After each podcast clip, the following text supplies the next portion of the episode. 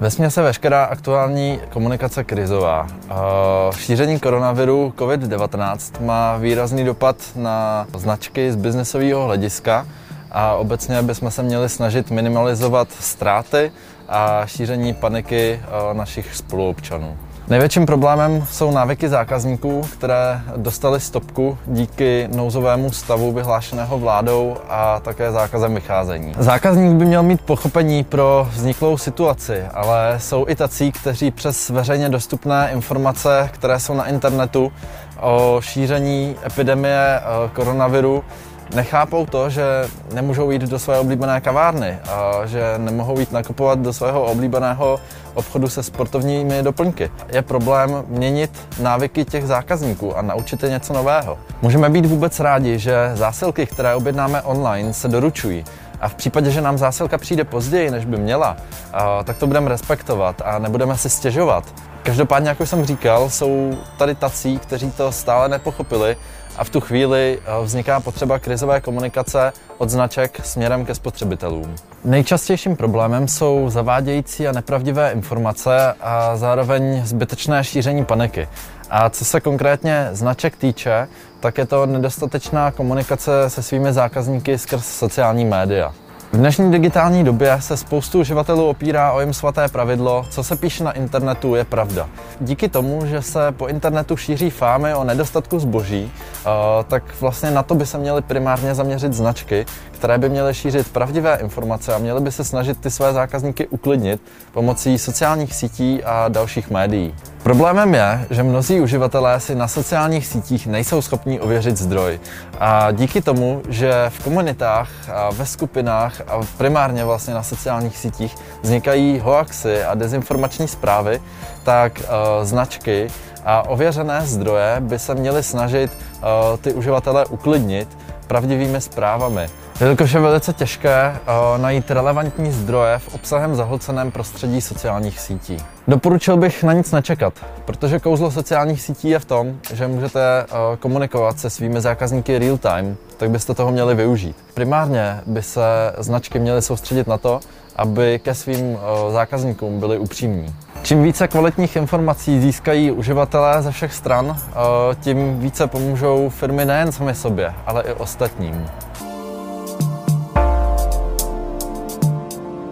Liší se pouze formátem, který poslouží ke sdělení uh, krizové komunikace na dané platformě. Může to být infografika, video, livestream, článek na blogu nebo interaktivní landing page. Záleží pouze na vás, jaký formát si vyberete. Primárně by v tuto chvíli mělo jít všem o jedno a to o šíření osvěty o koronaviru.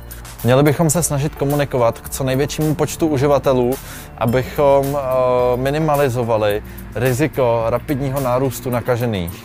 Jak toto sdělení uh, značky či veřejně známé osobnosti předají, je čistě jejich volba. Já věřím, že tohle svého nejlepšího úsudku vezmou do svých rukou a budou šířit uh, pravdivé informace a krizovou komunikaci povedou tak, aby do budoucna nepoškodila jejich značku a zachovali si lojalitu zákazníků. Dle mých posledních informací eh, se zvyšuje doba strávená uživateli u jednotlivých médií a zároveň rapidně zrůstá čas strávený u obrazovek mobilních telefonů, tabletů, počítačů, herních konzolí nebo televizí. Konkrétně na Facebooku se zvýšila konzumace obsahu o 30% oproti normálu a na Instagramu o 20%. Tato čísla pochází z průzkumu provedeného v Singapuru, ale pravděpodobně jej budou kopírovat i další oblasti po celém světě, včetně České republiky. Globální watch time u videí na Facebooku zrostl o 47% a zároveň využívání platformy WhatsApp se zvýšilo o 25% vůči běžnému používání v předchozích měsících. Mediální rozpočty u většiny klientů se snižují eh, nebo se dokonce zastavují eh, kampaně, ale myslím si, že bezhlavé škrtání rozpočtu eh, bez promyšlené strategie, co bude dál, nedává také smysl. A Měli byste velice přehodnotit, jak s penězi naložíte a jaké budou vaše další kroky, protože i co se týče sociálních sítí, tak v tuto dobu se tam nachází nejvíce uživatelů. V některých segmentech je to pochopitelné, ale rozhodně to neplatí pro všechny. My v Acomware děláme denní monitoring eh, výdajů do reklam a tržeb v online prostředí a k největším propadům došlo během pondělí. Ale kdybych na to měl najít něco pozitivního, tak to bylo to, že v úterý, přestože ty propady byly obrovské, tak byly nižší než ten předchozí den. Nejvíce bych se bál ztráty lojality a důvěry zákazníka. Konec konců aktuální situace se chtě nechtě podepíše na většině firm minimálně po finanční stránce.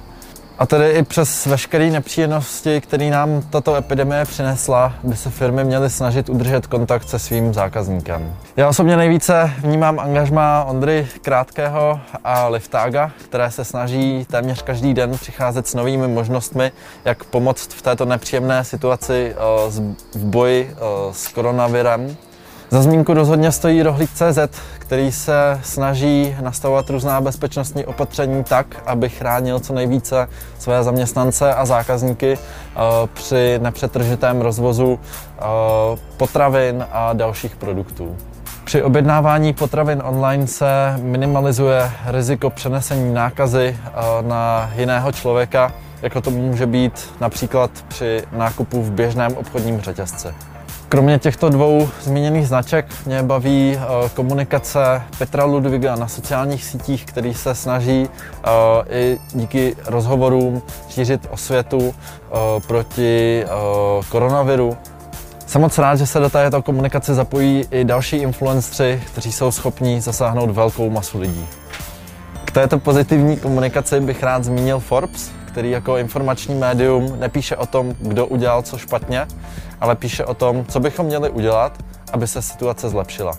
Líbí se mi komunikace čerpacích stanic MOL, které prostřednictvím sociálních sítí eh, informují zákazníky o průběhu tankování paliva a o nových bezpečnostních opatření, které minimalizují riziko nákazy eh, při čerpání pohonných mod. Zároveň mě potěšilo, jak svou komunikaci na sociálních sítích pojalo Mama Coffee, které prostřednictvím Instagram Stories začalo sdílet se svými zákazníky inspiraci a recepty na kávu z pohodlí domova.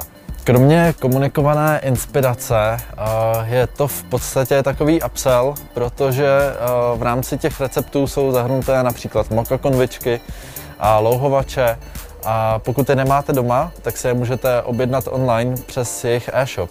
A já se přiznám, že jsem si hnedka jednu kávu z moka konvičky udělal a byla výborná. Pamatujte si, že lepší je mít něco než nic, tak noste ty roušky. Díky.